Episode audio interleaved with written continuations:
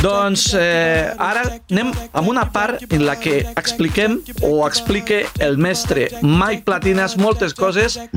Bona nit, Mike, com estàs? Hola, bona nit, DJs de Lleida. Normalment nit, eh, expliques moltes coses. Hem explicat ja moltes coses perquè en Moltes. 33 programes que has estat eh, has explicat moltes, moltes coses i sempre hem dit de que tot això ho ampliarem. I avui Sí. anirem un nivell una mica més alt Exacte. Sí, pujarem una, que- una mica més amb, amb una explicació de que avui parlarem de les estructures de les cançons. Eh, com era una per- cançó? Sí perquè, sí, perquè, com tu has dit, en algun programa anterior hem donat alguna pinzellada, Mhm. hem explicat una miqueta això per sobre, però avui ho desenvoluparem i ho explicarem, com si fóssim arquitectes. Com era una cançó pop, per exemple, als anys 60. Doncs mira, l'estructura clàssica, l'estructura habitual de la música pop, eh, als anys 60, era una miqueta la que los viejunos del lugar tenim a dintre del camp, no? És a dir, una petita intro instrumental, eh, una estrofa, un parell de tornades, o estribillo en castellà, no? eh, després un trosset instrumental, una altra vegada una altra estrofa o dues estrofes, probablement, un, una altra tornada o dues o quatre i s'acabava la cançó. És a dir, fonamentalment era eh, estrofa, mm, a vegades hi havia un pont, a vegades un pont opcional, uh -huh. i tornada. I, I aquesta estructura era la que d'alguna manera es repetia la cançó, amb algun trosset petit instrumental pel mig. I aleshores, i als 70, eh, va haver un canvi per, a, per culpa dels DJs, no? Sí, perquè, és clar, a l'època de la música disco, eh, a Estats Units, el boom del disco, hi havia DJs que buscaven eh, doncs, versions instrumentals, buscaven maneres de, eh, de, de poder allargar les cançons per un cantó i, a més a més, demanaven als productors de música que, si plau que fessin un tros al principi més llarg, en bateria sola, per poder barrejar les cançons quadrant els ritmes, no? I així és com eh, Tom Moulton va inventar el maxi single, que és eh, doncs, un disc de vinil que té una sola cançó a cada cara, no? I per tant permet versions llargues amb instrumentals més llargues eh, desenvolupar el tema que van entrar els instruments de mica en mica fer-ho més, no sé, no? I, i sobretot era molt important afegir un break un tros de bateria neta al principi i un tros de break a la meitat o sigui, quan ja la cançó ja havia sonat, doncs un tros per poder barrejar amb la següent cançó. Per tant, sí que és cert que els DJs eh, van provocar, com a mínim al nostre entorn club, a l'entorn de les discoteques, van provocar un canvi a les estructures de les cançons, que eh, obligatòriament a partir d'aquell moment, durant els anys 70, 80, 90 i més endavant, doncs ja havien de tenir una versió pensada pels DJs. I pot ser la primera cançó, o almenys jo he vist algun documental que va ser Sí? de Feel Love, de Donna Summer, pot ser, no? Doncs eh, ara no ho tinc al cap, però si no Jo va ser diria la que sí. primera, Hi ha- va ser hi ha primeres, documentals Probablement la primera. És Sí. que saps què passa? Un- dia podem parlar també de, de Giorgio Moroder, Mhm. que va ser un gran precursor, eh? va ser un gran innovador en el seu moment històric, és un dels pares de, del techno i del disco, i, ostres, realment m'acabes de parlar d'I Feel Love, que és una de les meves cançons favorites de totes les, de totes les èpoques. Mm. Home, és un, és un temazo que avui Home, en dia i hi ha pocs temes que, que no passa el temps. I aquest és un Sí, sí senyor, que encara hi ha discoteques superactuals Sí. eh, que, que aquest tema el posen. I tant. És És, és que així. és un tema que, que ha envellit molt i molt bé, molt bé, eh? Sí, sí. I, i, i als 90 va haver Mm. un altre gran canvi. Sí, als 90 va passar una cosa molt curiosa. Una cosa que, ostres, va passar un poltergeist. un fenomen estrany. Uh, jo recordo els 80, quan punxàvem, i tu també recordaràs, que, clar, les cançons havien d'anar uh, seguides, no? El Sí. ritme, tu no podies aturar mai el ritme. Mhm. La que tu aturaves el ritme, allò que, hòstia, se t'acabava la cançó sense voler, eh, et despistaves i baixaves el pot de sobre, la, la, pi- la, la gent de la pista se't quedava mirant amb una Mirant. cara com... Ara ho has Què dit." fas? Què fas, tonto, que has tret el ritme de la cançó? M'entens o no? Sí, sí, sí. Si tu treies el ritme a mitja cançó, la gent se n'anava de la pista. En canvi, als 90, sobretot eh, a l'entorn de la música trance, eh, van començar a introduir una, una, un canvi molt curiós i molt trencador a l'estructura de les cançons. Que és que a meitat de la cançó hi havia un build-down, baixava la cançó, hi havia un tros d'aturada, una parada allà, que a vegades era un, una petita seqüencieta, a vegades amb uns, uns pat, uns violins, a vegades... Però molt tranquil, sense me. ni baix, ni res. I la gent es quedava aturada a la pista així, esperant a que la cançó tornés a entrar, començava a pujar, pujar, pujar, el famós subidon, subidon, Mm. eh? Començava a pujar, pujar, pujar, pujar, esclatava la cançó i venia el drop, el drop. Drop en anglès vol dir caure o deixar caure. Mm. Que és el punt què es deixa caure tota la cançó, allà amb tot l'instrumental i tot el de tot, i la gent... Uah! O sigui, això que ara... Disculpa, telèfon. Això que ens sona avui en dia com una cosa tan tan normal, que ja estem mm. acostumats, perquè ja molts estils de música hi és, això va ser una novetat a la al primer, sí, als 90, va començar la primera meitat però es va generalitzar a la segona meitat dels 90 i això del, de, la, de la parada i el subidon i el drop, mm -hmm.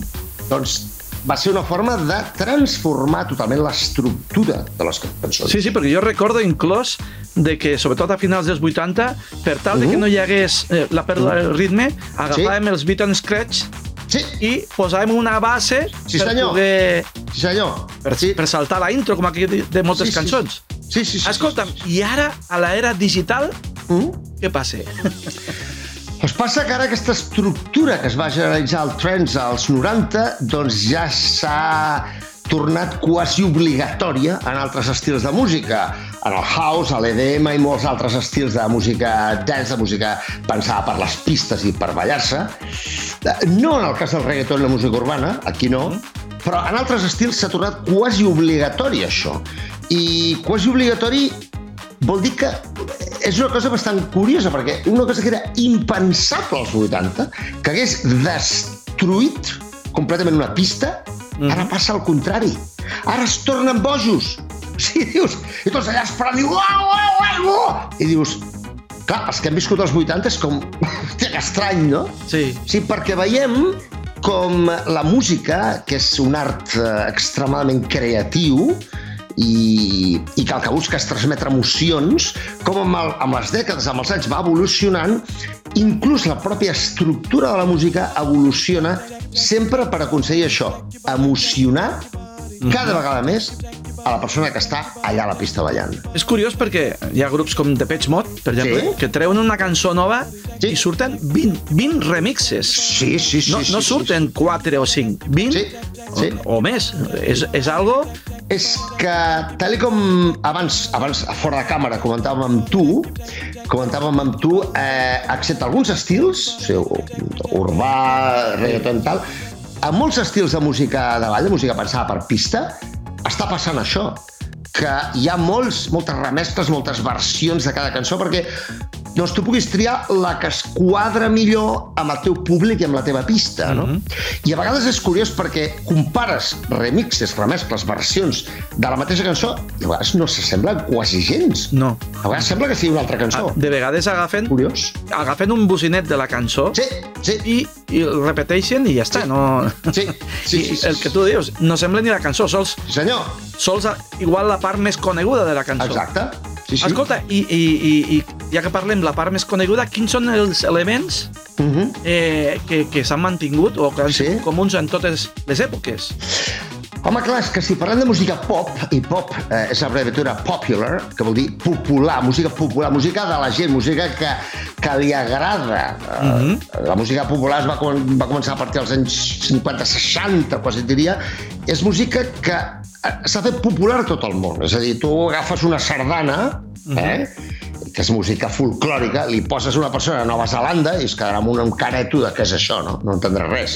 Tu agafes música tradicional índia, li poses a una persona de, no sé, de, del País Basc i dirà, uh -huh. què és això, no?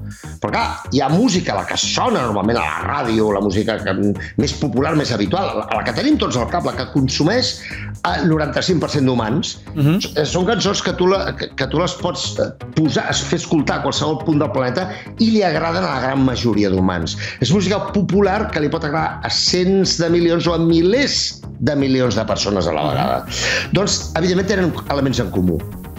I és igual l'època, és igual els 60 que els 80, que els 00, que els anys 20 actuals, no? És igual. Hi ha dos elements, dos, eh? Dos, que són comuns com tu m'has preguntat, a totes les èpoques a la música popular. Entenem com música popular, música pop, la música, eh, el house, el techno, m'entens? Sí, el sí, rock, el, tot, tota aquesta música en conjunt, uh -huh. el nom global de música pop, hi ha dos elements. Un, el hook, el ganxo, el ganxo és allò que crida l'atenció de la cançó, sempre es busca un element que antigament era la tornada, uh -huh. en castellà, la tornada de la cançó, però ara actualment pot ser qualsevol cosa. Pot ser Oppa Gangnam Style, això és un hook.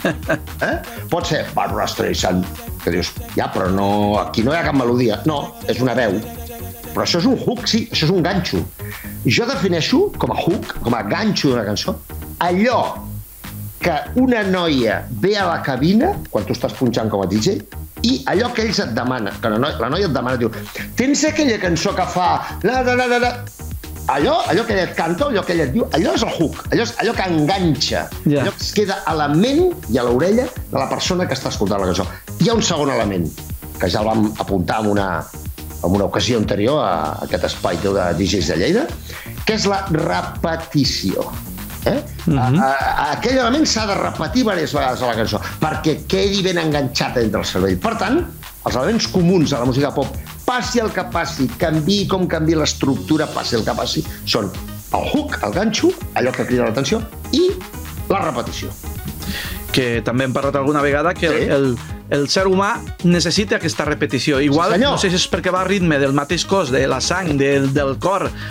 Mm, Perquè, perquè, perquè la natura està plena de patrons de repetició. Mhm. Les mateixes estacions de l'any, les quatre estacions i es torna a repetir, quatre estacions es torna a repetir. El dia a la nit és un altre patró.